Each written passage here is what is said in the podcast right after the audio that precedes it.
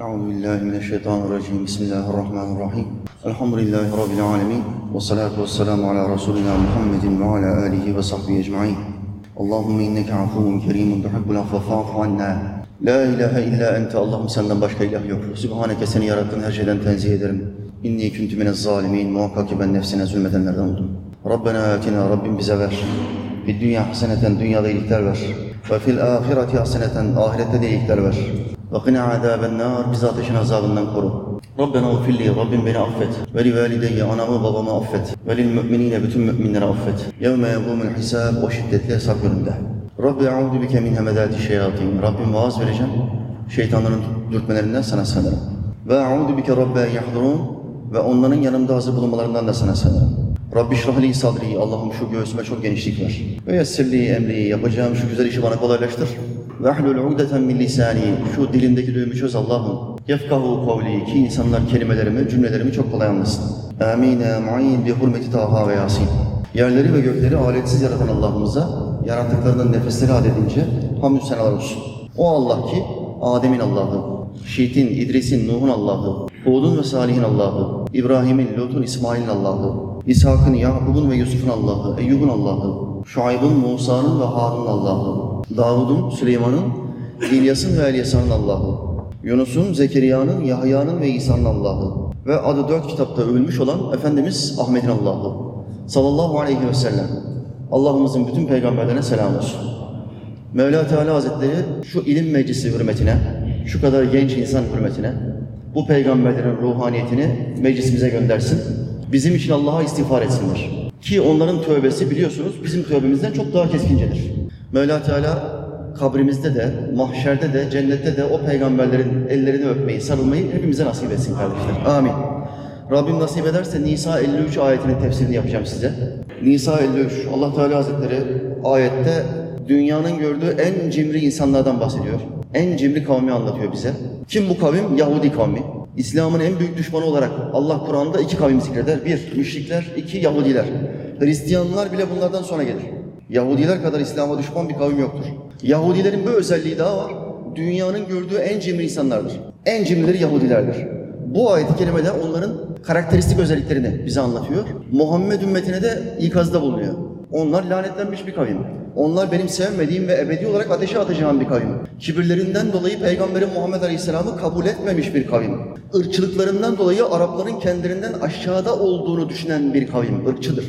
Dünyanın gördüğü en büyük ırkçılar Yahudilerdir. Dolayısıyla siz bunlar gibi olmayın diye Allah Teala Kur'an'ın farklı ayetlerinde bize örnekler, ölçüler veriyor. Bu akşam inşallah bu ayetlerden bir tanesini konuşacağız. Mevla Teala tesirimizi, muhabbetimizi bol kılsın. Amin. Euzu billahi mineşşeytanirracim. Em lehum nasibun minel mulk فَإِذَا لَا يُؤْتُونَ النَّاسَ نَقِيرًا صَدَقَ اللّٰهُ الْعَظِيمُ Muhakkak Yüce Allah'ımız doğru söyledi. Mevla Teala bize şöyle buyurdu. اَمْ لَهُمْ nasibun Yoksa onların bir nasibi mi var? Minel mulk Mülkten bir nasibi mi var, bir payı mı var, sahip oldukları bir şey mi var? Allah Teala Hazretleri Yahudilerden bahsederken cümleye şöyle başlıyor. Şimdi bunun bir önceki ayetinde Yahudiler müminleri aşağılıyordu. Ne diyorlar? Bakın kendi ifadeleri. Sizler müminlerden daha doğru yoldasınız ey müşrikler. Yahudilerle müşrikler ittifak halinde. Müslümanlara karşı müttefik bir haldeler. Müşriklere ne diyor Yahudiler? Bizi zayıf düşürsün diye, ittifakları kuvvetlensin diye Sizler var ya ey puta tapanlar, 360, 360 tane putu olanlar var ya, siz Müslümanlardan daha doğru yoldasınız. Ya siz ne aşağılık insanlarsınız. Adamın 360 tane putu var. Sıkıldıkça kendisine kekten, etten, ekmekten put yapıyor. Acıktıkça yaptığı putları yiyor. Burada Allah'ı birleyen müminler var. Ve sen sırf hasedinden, kininden dolayı Muhammed Aleyhisselam bir Arap olduğu için biz ona asla tabi olmayız demenden dolayı Müşriklere diyorsa ki siz onlardan daha doğru yoldasınız. Kibrinden dolayı İslam'a girmiyor olabilirsin. İslam'ı kabul etmiyor olabilirsin. Ama 360 tane ilahı olan bir adamı bir Müslümandan daha doğru yolda olduğunu nispet edemezsin. Bu nasıl bir kin? Bu nasıl bir yalancılık?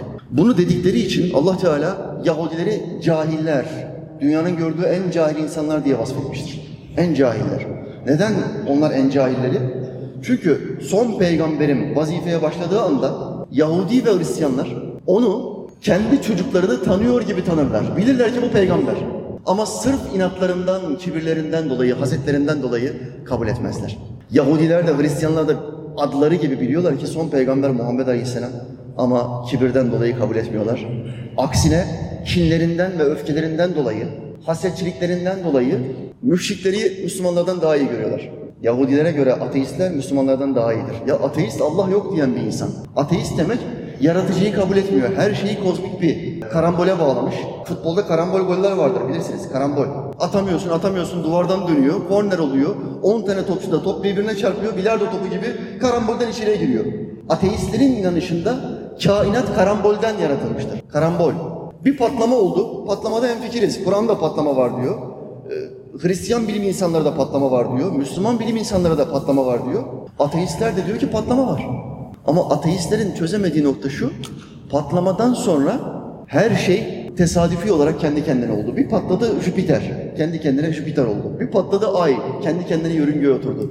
Bir patladı Güneş. Kendi kendine yörüngeye oturdu. Ya bu nasıl iş kardeşim? Bir tanesi kare olmaz mı? Şu gezegenlerden bir tanesi kare olmaz mı ya? Patlamalarda biçimsiz üçgen de olabilir, sekizgen de olabilir, kare de olabilir. Hepsi yuvarlak ve hepsi nizami bir akışkanlık içinde. Akıp gidiyorlar diyor Kur'an. Eşşemsu vel kameru bil husban. Güneş ve ay bir hesab iledir. Akıp gidiyorlar. Bu nasıl bir, kendi kendine nasıl olur? Yani sen dünyada bir dağ patlattığın zaman dağdan fışkıran o taş kaya parçaları çıksın, o demir parçacıkları çıksın, Mercedes araba olsun. Olabilir mi böyle bir şey? Mümkün mü böyle bir şey ya? E, güneşin olması Mercedes arabasından çok daha komplekstir. Ayın olması ve yörüngeye oturması bir binadan, 80 katlı bir binadan çok daha kompleks ve çok daha zordur. Ve sen bunu tesadüfe bağlıyorsun. Kozmik bir karambol. Karambol olur mu ya? Böyle saçma şey olur mu? Her şey bir plan, büyük bir plan dahilinde. Allah'ın ol demesiyle olmuştur. İşte bu ayetin evvelinde Yahudiler, müşrikler dediler ki siz, sizin yolunuz var ya, Müslümanların yolundan daha iyi, daha düzgünsünüz. Yalan söylediler. Hasetlerinden dolayı yalan söylediler. Allah Teala bunun akabinde sonraki ayette diyor ki onların bir nasibi mi var? Mülkten bir nasipleri mi var? Yani mülk dediği nedir? Dünya. Dünyadan herkesin bir sahip olduğunu düşündüğü ve söylediği bir şey var değil mi kardeşler? Şu toprağın sahibi benim diyorsun. Şu arsa benim diyorsun. Hakikatte İslam inancında hiçbirimizin sahip olduğu bir karış yer yok kardeşler. Hiçbir yer yok. Biz sadece emanetçi olabiliyoruz. Emanetçi yani kapalı çarşıda bir esnaf kardeşimi ziyarete gittim. Hocam dedi bu altınlar dedi benim değil. Dedim kimin? Ortak mısın?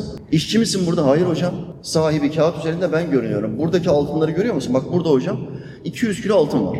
Bu benim değil. E kimin dedim? Dedemin, dedesinin, dedesinin dedesiydi. Bu dede mesleği. Bizim büyük dedeler bu mesleği yapıyor hocam dedi.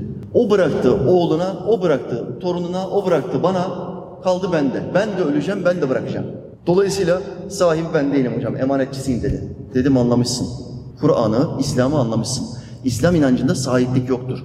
Bu evlat benim. Bunu ben yap, çok çalıştım onu yapmakla.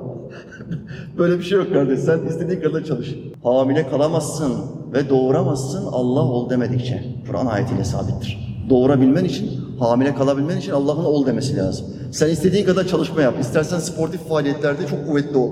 Allah ol demedikçe olamazsın. Çocuğun olmaz. Arabam benim. Hayır senin değil, emanetçisin. Bu kız bana ait, benim. Ben yaptım bu kızı. Hayır. Allah sana emaneten verdi, istediği anda alabilir. Erken vakitte aldıklarını görüyorsunuz kardeşler. İşte Mevla diyor ki bir mülk var. Yahudilerse bu mülkten bir nasipleri mi var bunların? Yani ölmeyecek olan birisi var mı? Ölmemeyi garanti edebilen birisi var mı? İslam'a küfreden bir sürü insan var.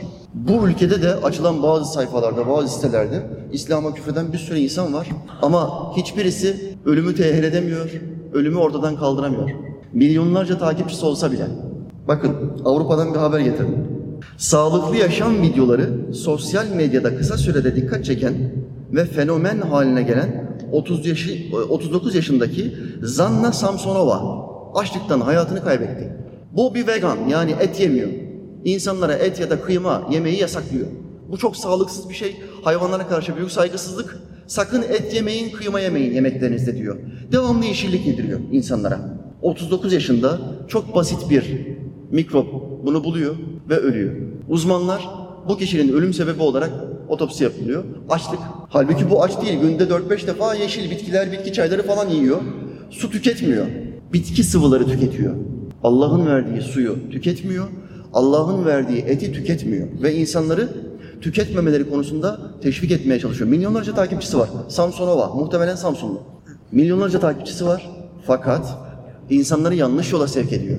Bak kendisi gitti. İstediğin kadar sağlıklı olduğunu düşün. Ben et yemiyorum, diğerlerinden daha fazla yaşayacağım de bak gidiyorsun. Allahü Teala Hazretleri ne buyurdu Kur'an'da? Bir kısmını yiyesiniz diye, bir kısmına binesiniz diye hayvanları sizin emrinize veren odur. O kim? Allah. Bak neden yaratmış hayvanları? Bir kısmını kesip yiyeceğiz. Yememiz için yaratmış. Sen diyorsun ki Allah tamam yemem için yaratmış, helal kılmış ama ben yemem. Ben daha sağlıklısını istiyorum. Ya sağlıksız bir şey olsa Allah sana bunu yasaklamaz mı? Bakın dünyada insanın sağlığına zararlı olan ne varsa Allah onu yasaklamıştır. En sağlığımıza en zararlı olan şey içkidir. En zararlı olan şey uyuşturucudur. En zararlı olan şey domuz etidir. İçindeki bakterileri sayamıyorlar bilim adamları domuz etinde. Bak yanında koyun var. Bu domuz bu koyun. İkisi de hayvan. Koyun etinde içindeki faydalar sayılamıyor. Yanında aynı yerde yiyen domuz etinde içindeki bakterilerin sayısı bilinemiyor. Bu kadar zararlı. Allah bir şeyi insanlığa haram ettiyse muhakkak onda bizim faydamız vardır. Bu mülkün sahibi bizim ilahımızdır. Her kim bu mülke ortak olduğunu iddia ederse Allah delil ister. Madem ortak olduğunu söylüyorsun hadi bakalım tapunu getir. Ölümsüzlük tapusunu getir. Var mı aranızda ben ölmeyeceğim diyen? Bak Samsonova gitti. Takla. Bitki çayı içti, bitki suyu içti. Et yemedi hiç. Hep yeşillik yedi. 39'da takla gitti şimdi hesap verecek. Sadece kendi hesabını değil, insanları et yemekten ve su içmekten men etmenin hesabını da verecek. Bilmiyorum, dini inanışını bilmiyorum. Gayrimüslimse zaten ebedi olarak cehennem ne demektir. Ama cehennemin de rütbeleri var. İnsanları yanlış bir yola sevk ediyorsan, insanları uyuşturucuya, içkiye, kumara sevk eden bir ateist düşünün, kötülüğe sevk etmeyen bir ateistten daha az azap görecektir. Allah'ın sistemi budur. Kötülüğe sevk ediyorsan peşinde sürüklediğin bütün insanların günahının bir misli sırtına yüklenir. Sırtına yüklenir. Bugün bu ülkede en büyük arızalardan bir tanesi bilmeden cahil cahil konuşup fetva veren ahmaklar. Hiçbir kitap okumamışlar İslam'a dair. Hiçbir fıkıh kitabını alıp ellerine bakmamışlar ama fetva veriyorlar. Müslüman kardeşim üzerinde dövmeler var. Dövme yaptırmış evvelki hayatında. Tövbe etmiş. Tövbeden sonra bir daha da dövme yaptırmamış. Şimdi bu kardeşim dini içerikli videolar çekmeye başlamış. İlahi söylüyor ya da herhangi bir fıkhi hükmü okuyor. 30 saniyelik 40 saniyelik videolar çekebiliyor. İlmi seviyesi nispetinde. Yapabilir mi? Bir adamın İslami içerikli video çekebilmesi için illaki hoca ya da alim olmasına gerek yoktur. İslam davetçisi sıfatıyla yapabilir. Yeter ki kaynakları sağlam olsun, doğru bilgiyi nakletsin. İlla alim olmak zorunda değilsin. İslam davetçisi olacaksın. Kardeşimin de vücudunda dövme falan var, camiye girmiş. Camide namaz kılıyor. Camide 30 saniye, 40 saniye bir video çekiyor. Hemen orada yorumlar, yorum atıyorlar. Kardeş hayırdır ya senin kolunda dövme var. Senin namazın olmaz ki ne işin var senin camide? Fetvayı görüyor musun? Ahmak fetvasını görüyor musun? Bu kardeşe sorun. Kardeş, İslam'a dair kaç kitap okudun sen? Hangi fıkıh kitaplarını okudun? Bir tane ilmihal kitabı bile okumamıştır. Ama kendisi dövmesiz ya, anasından babasından korkmuş dövme yapmamış. Allah'tan korktuğu için değil, mahalle baskısından korktuğu için dövme yapmamış. Yoksa o da yapacak. Dövme yapmamış, dövme yapan kişiye karşı takva olarak bir üstünlüğü olduğunu düşünüyor. Nefsini gururlandırıyor ve şöyle diyor. Senin namazın olmaz, boşuna camiye gitme. Ne işin var senin camide diyor. Öbür bayan kardeşimin de başı açık. Tesettür ibadetini ve emrini yerine getiremiyor. Bütün emirleri yerine getiriyor. Bir tesettürde zafiyeti var. Yapamıyor. Takamıyor. Etrafındaki o bayan cahil fetvacılarda, bayan sahte hocalar da şöyle diyor. Kızım sen ne namaz kılıyorsun? Bakıyorum tek parça namaz elbiseni alıyorsun, odaya çekiliyorsun, ikindi kılıyorsun. Makyajını falan siliyorsun, abdest alıyorsun. Ne gereği var sen? Senin başına çık, senin namazın olmaz ki. Yanlış yapıyorsun kızım. Ayşe olmaz. Sen 40'a 50'ye geldiğin zaman tesettüre gir sonra namaza başlarsın. Ahmak abla, ahmak kadın, ahmak kadın.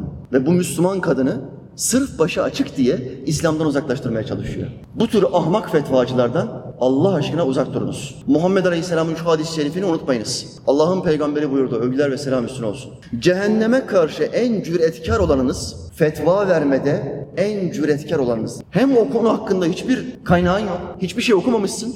Kulaktan dolma, sa- saçma sapan bilgilerle beynini doldurmuşsun. Doğru bilgiler dışarıda, sahte bilgilerin tamamı beyninin içinde.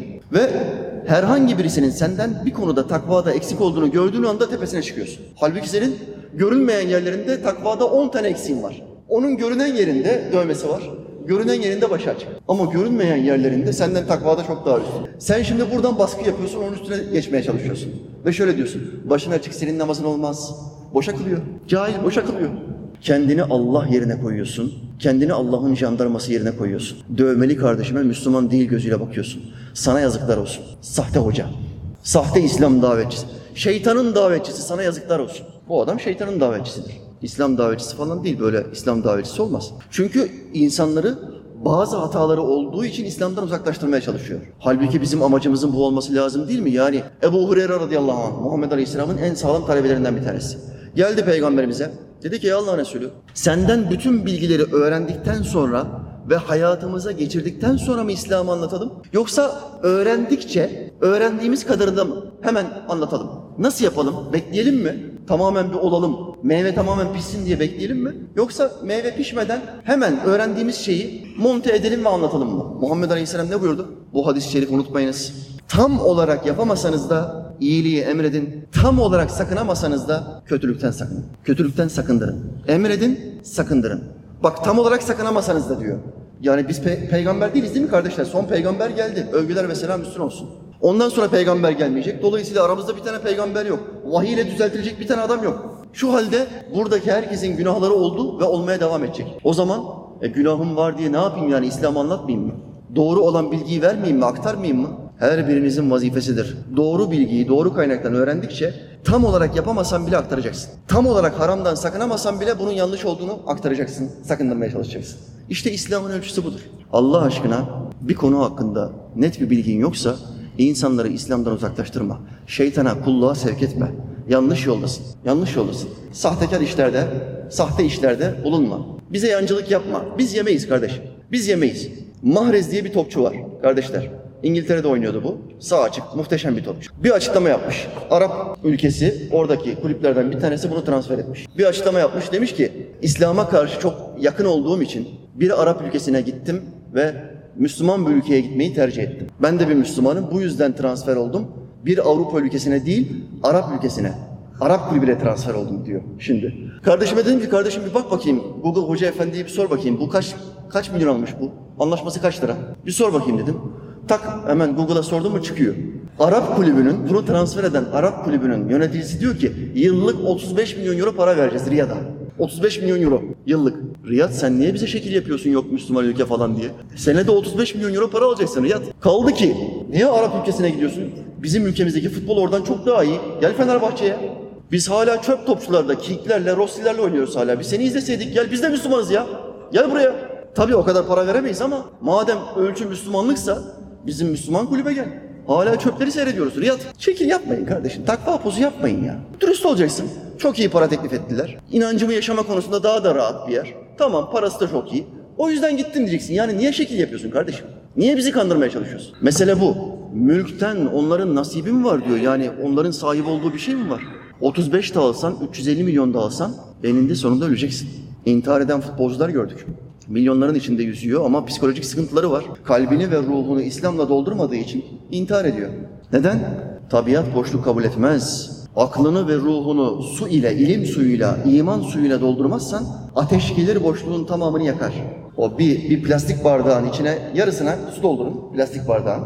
Sonra bir çakmakla bardağın üstünü dolu olmayan o plastik kısmını tutuşturun. Nereye kadar yanar? Sadece suyun olmadığı boşluk kısmı yanar. Yanar ve hemen erir. Ama suyun olduğu kısmı yakamaz kardeşler. Su nedir? İlimdir. Su Kur'an'dır.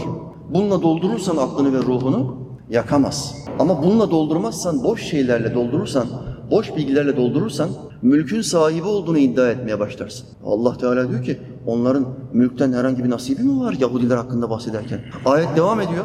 فَاِذَا لَا يُؤْتُونَ النَّاسَ نَقِيرًا Eğer Yahudilerin mülkten bir nasibi olsaydı insanlara çekirdek kadar bir şey vermezlerdi. Çekirdek kadar. Çekirdeği biliyorsunuz kardeşler. Hani biz çekirdek çıtlarken yanımızdan arkadaşımız gelir. Kardeş bize de versene biraz falan der. Biz de mizah yaparız. Bir tane çekirdek tanesini çıkartırız ve veririz eline. Al kardeşim çekirdek. Buyurun deriz. O da der ki ya çok cimrisin be. Ayıp değil mi? Bir avuç verir insan ya falan der. Çekirdek tanesi. Allah Teala diyor ki nakir e, bir zerre vermezler. Çekirdek kadar bile. Arapçada nakir böyle demektir. Onlar o kadar cimridir ki zerre bile vermezler. Cimriliğin sebebi ne? Cehalet. Cimriliğin sebebi dünyanın geçici olmadığını ve ebedi olduğunu düşünme. Kur'an Yahudilerin vasıflarını bize anlatırken diyor ki onların her biri bin yıl yaşayacağını zanneder. Bin yıl yaşamak ister. Ama en zengini bile yüzden öteye gidemez. O kadar iyi bakımlı, en güzel yemekleri yiyor, en güzel yerde yaşıyor fakat yüzden öteye gidemiyor. Allah'ın çizdiği sınır var. Öteye gidemiyor.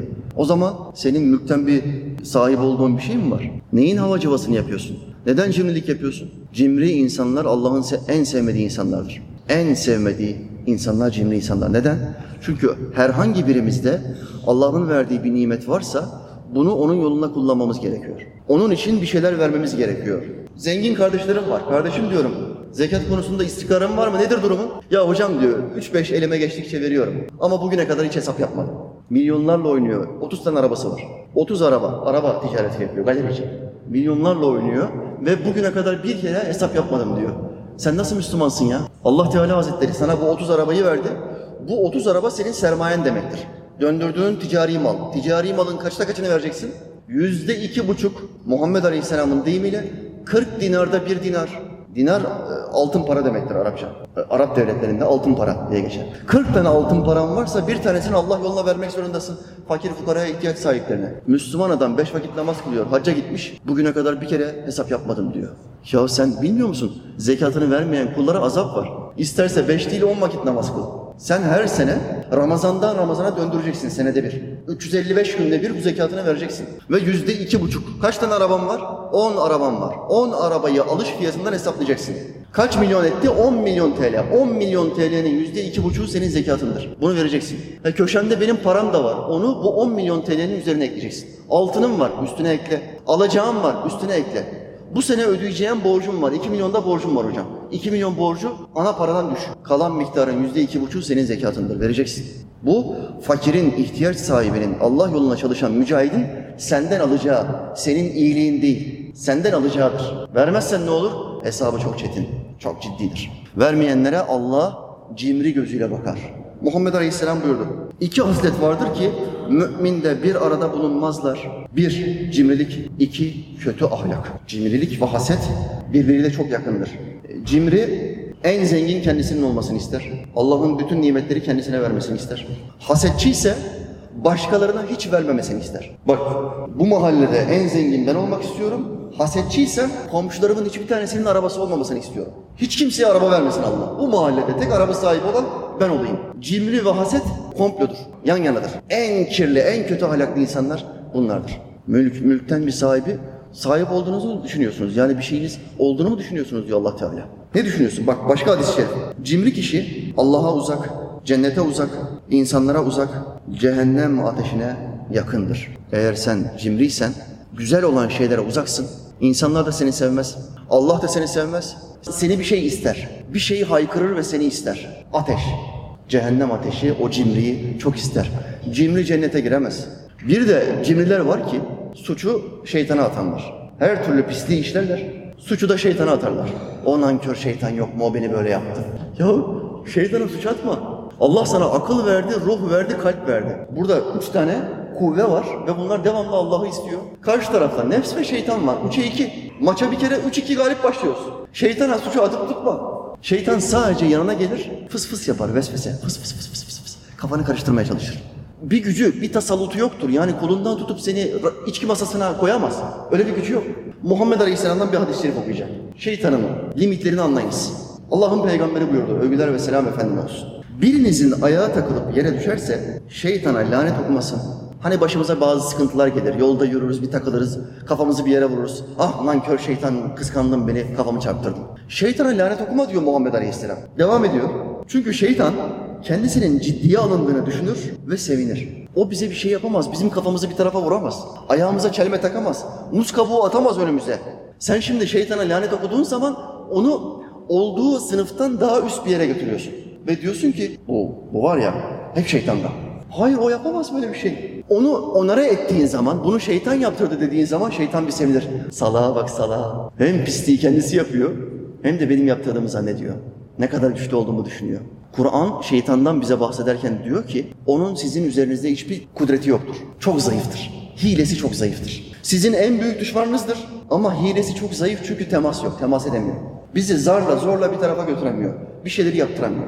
Böyle bir varlığı niye onara ediyorsun? Muhammed Aleyhisselam devam etti. Siz onu onara etmeyin, sevinir. Bu durumda Bismillah deyin ki şeytan küçüle küçüle kayıp olup gitsin.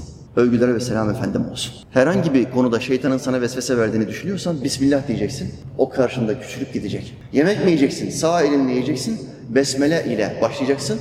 Kaybolup gidecek. Yemeğine ortak olmayacak. Cima mı yapacaksın eşinle? Besmele, Eûzü Besmele ile yapacaksın. Kaybolup gidecek. Ortak olamayacak. Evine mi giriyorsun? Sağ ayakla gireceksin, besmele ile gireceksin. Şeytan evinden defolup gidecek. Tabiat boşluk kabul etmez. Şeytan ve kafir cinler giderse melekler doluşur. O eve melekler doluştuğu zaman hep huzur, hep mutluluk, hep gülen yüzler oluşur. İşte Allah Teala Hazretleri en sevdiği kullar cömert olanlar. Cimri olanları Mevla Teala hiç sevmiyor. Sultan Gazneli Mahmud, Ebul Hasan Harkani Hazretlerine diyor ki, efendim simam tenim biraz koyu tenliyim. Simam da çok güzel değil, yüzüm çok güzel değil. Halk yüzü güzel hükümdarları sever. Siz bana bir dua etseniz, halk beni sevse.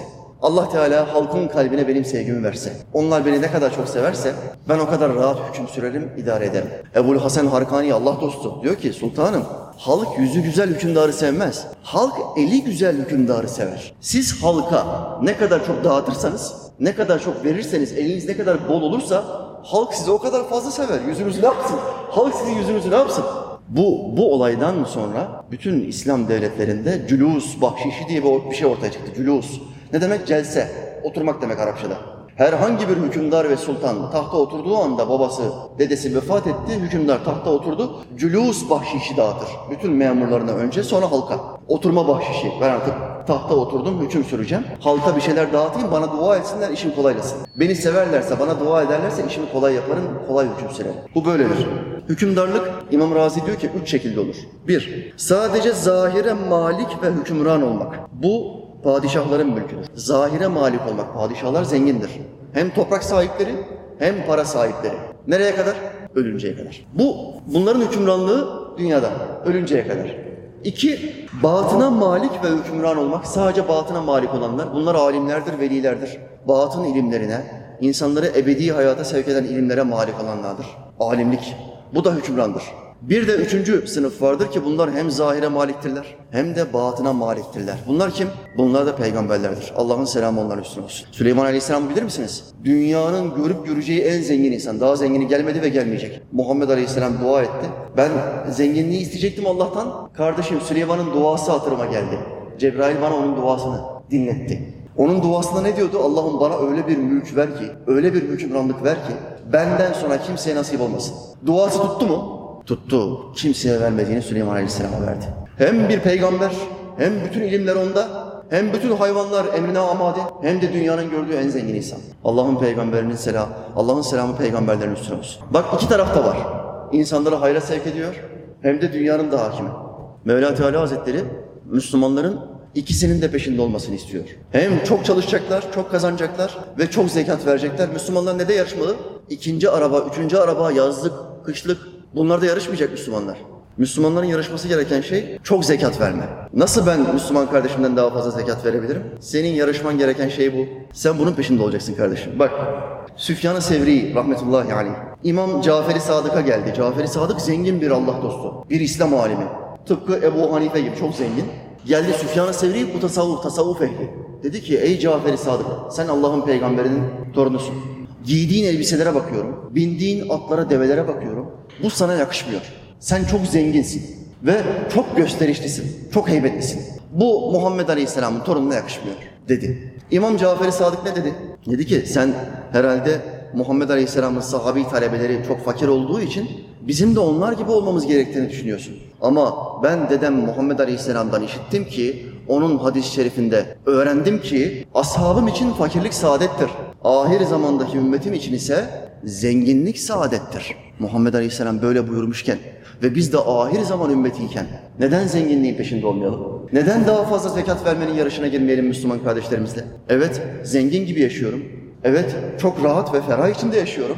Ama malımın zekatını fazlasıyla veriyorum. Sadakamı, fitremi fazlasıyla veriyorum. İşte Müslümanın tarzı bu olacak. İki kanatlı olacak Müslüman.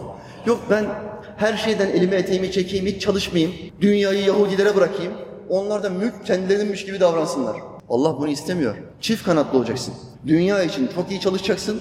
Her şeyin en güzelini, en kalitelisini sen yapacaksın. Millet sıraya girecek senden teknolojik alet almak için. İHA almak için, SİHA almak için. Uçak almak için, tank almak için senden sıraya girecekler. Elini öpecekler senden bunları almak için. Ve sen dünyanın en zengin ülkesi olacaksın. Zenginliğiyle beraber bütün insanlar sana şu gözle bakacak. İşte Müslümanlar. Bir elleri yağda, öbür elleri bağda. Hem ahirette cennetin sadece İslam'a, Müslümanlara ait olduğunu söylüyorlar. Hem de dünyada da çok güzel yaşıyorlar. Diyecekler ve İslam'ı araştıracaklar. Bunu sen sağlayacaksın Müslüman kardeşim. Allah Teala Hazretleri bu şuuru bütün Müslüman kardeşlerimize versin.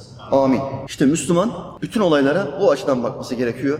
İnsanlara faydalı olması gerekiyor ve hiç ölmeyecekmiş gibi çalışması gerekiyor. Muhammed Aleyhisselam ne buyurdu? Hiç ölmeyecekmiş gibi dünyaya çalışın. Yarın ölecekmiş gibi ahirete çalışın. Ebu Derda Allah ondan razı olsun Muhammed Aleyhisselam'ın ilk halkasından en kaliteli talebelerinden bir tanesi.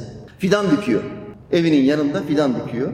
Sahabeden bir tanesi de oradan geçiyor. Diyor ki ya Ebu Derda sen Muhammed Aleyhisselam'ın en sadık talebelerinden bir tanesisin. Yani sana hiç yakıştıramadım bu dünya sevgisini.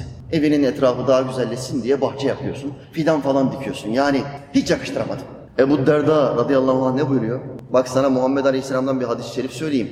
Her kim bir ağaç diker de ondan bir insan yahut Allah'ın yarattığı herhangi bir canlı yerse bu o kimse için bir sadaka olur. Şimdi ağaç diktin.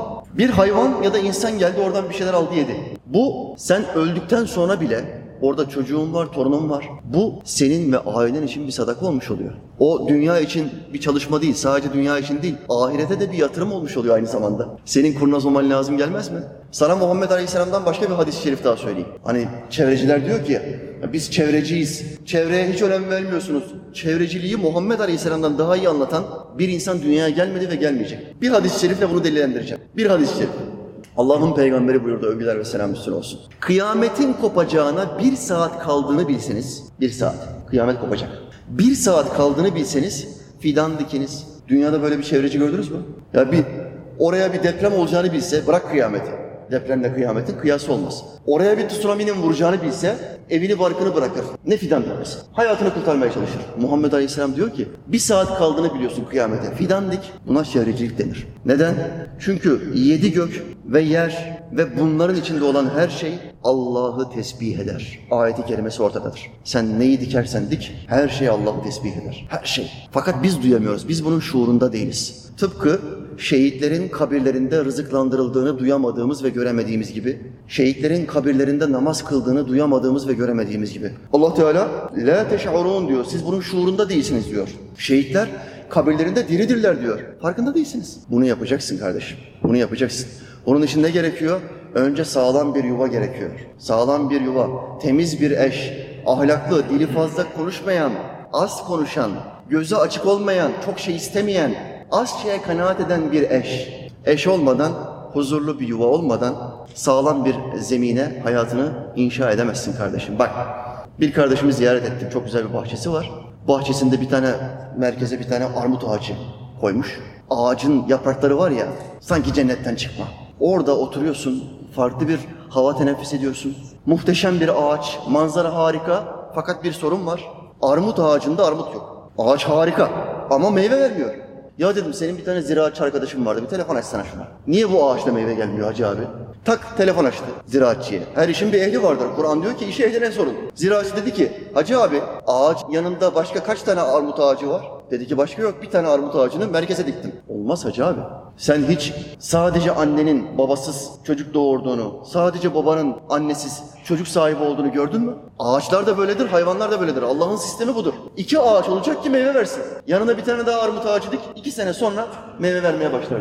Müslüman kardeşim de diyor ki hocam ben evlenmeyi düşünmüyorum. Huzurum bozulmasın. Bakalım Allah ileride bana bir meyve verir. Aşkımızın meyvesi belki ileride gelebilir diyor. Romantik şimdiki gençler romantik. Aşkımızın meyvesi. Hem evlenmeyi düşünmüyor. hem evlenmeyi düşünmüyor. Hem de aşkının meyvesini bekliyor. Çocuk sahibi olacakmış. Yahu iki tane armut ağacı bile olmadan, armut bile iki ağaç olmadan, eşler birbiriyle beraber olmadan meyve vermiyor. Sen bir evlilik yapmadan elini taşın altına koymadan nasıl çocuk sahibi olacaksın Armut? Nasıl? Yükün altına gireceksin. Elini taşın altına koyacaksın ve genç yaşta, olabildiği kadar genç yaşta bu nikahın altına gireceksin. Buraya gelmeden önce Müslüman kardeşim için benden dua istediler. Hocam bu kardeşim var evlenmek istiyor. Şimdi isim vermeyeceğim halk arasında mizahı olmasın. Özellikle bu kardeşime evlensin diye dua eder misin? Dedim tabii dua ederim. Hem de İsmi Azam'la dua ederim dedim. Teklifler üst üste gelebilir dedim. Bak İsmi Azam'la dua edersen teklifler bir değil üç beş olabilir. O kadar fazla teklif geldi ki bir kardeşim 20 tane evlilik görüşmesi yaptı. Çocuğun psikolojisi bozuldu. 20 görüşme yaptı ve 20'si de negatif. 21. de elhamdülillah evlendi. Bak ısrarla yapacaksın. ısrarla isteyeceksin. ısrarla. Ya hocam ben 10 tane kızla görüştüm anlaşamadık ben evlenemem ya. Öyle bir şey yok. Şeytan nasıl ısrar ediyor her gün seni namaza bıraktırmak için? Sana namaza bıraktırmak için şeytan vazgeçtiğini gördün mü sen? Ya 40 yaşına gelmişsin 20 yıldır 5 vakit namaz kılıyorsun. Hala arada fısıltı duyuyorsun. Ya bırak namazı ya boş versene. Fısıltı bak geliyor. Fıs fıs. Geliyor gidiyor bu. Kim bu? Şeytan. Hiç vazgeçmiyor. Devamlı fısıltı veriyor. Bırak namazı ya ne gereği var? 60'ta başlarsın diyor. Ya ben 43 yaşındayım. 15 yaşında başladım namaza. Bir sene borcum vardı başladığımda. Ondan önce her gün bir vakit kılardım. Rahmetli babamın teşvikiyle. 8-9 yaşından itibaren 15'e kadar. Her gün sabah namazı. Hiç sekte yok. 15'te 5 vakitte başladım. Bak 43 yaşındayım. Daha kaza borcum yoktur elhamdülillah. Hala arada 2-3 günde bir tık gelir. Ya bırak namazı kardeş ne namazı ya? Daha gençsin. Hiç vazgeçmiyor.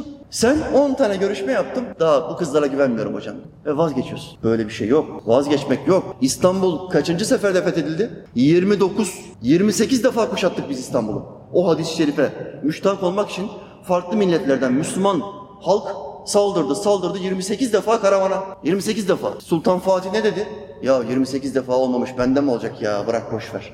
Dedi mi? Demez. Müslüman Türk inatçıdır. En önemli karakter, karakteristik özelliği nedir? İnatçı. İnatçı. Bırakmayacaksın. 28 olmadı ben yapacağım Allah'ın izniyle. Dedi ve giriş yaptı. Bismillah dedi ve oldu. 5 dakika mı var kardeş? Peki kardeş. Kardeşler beni zorluyorlar. Bırak artık tamam yeter diyorlar. Kardeşler Allah hepinizden razı olsun. İlim meclisimize geldiniz. Hocam beni uyardı. Ömer hocam dedi ki her hafta Cuma akşamı biz burada akşam ile yatsı arası bir hocamızı davet ediyoruz. Sohbet yapıyorlar.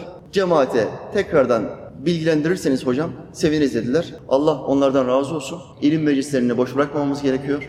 İnşallah bunu yapmaya devam edecekler. Ben de söz verdim hocama ve ekibine. 6 ayda bir biiznillah ben buraya geleceğim. Bir vaaz vereceğim, bir konuşma yapacağız. Hep beraber olacağız. Hemen şimdi ezan okunacak. Yatsımızı kılacağız. Peşinden hocamla beraber içeriye geçeriz, bir çay içeriz. Biraz hasbihal ederiz, muhabbet ederiz inşallah. Rabbim hepinizden razı olsun. Buraya kadar geldiniz. İlim meclisimizde bulundunuz. Ayetin tefsirini dinlediniz. İnşallah bundan sonraki hayatınızda sahibi olmak için değil, emanetçisi olmak için, daha fazla mülkler kazanmak ve Allah yoluna kullanmak için ve daha çok zekat vermek için çalışmaya devam edeceğiz. Değil mi kardeşler? Söz veriyor muyuz kardeşler? Allah'ın izniyle en çok zekatı ben vereceğim. Bu kadar Müslümanın huzurunda söz veriyorum. Gir bu yarışa kardeşim korkma ya. Bu yarışa gir. Daha çok zekat verme yarışına gir. Mevla Teala Hazretleri bereketinizi bollandırsın inşallah. Amin. Allah hepinizden razı olsun. Esselamu Aleyküm ve Rahmetullah ve Berekatuhu. Ben buna karşı sizden bir ücret istemiyorum. Benim ücretim ancak beni yaradana aittir. Velhamdülillahi Rabbil Alemin. El Fatiha.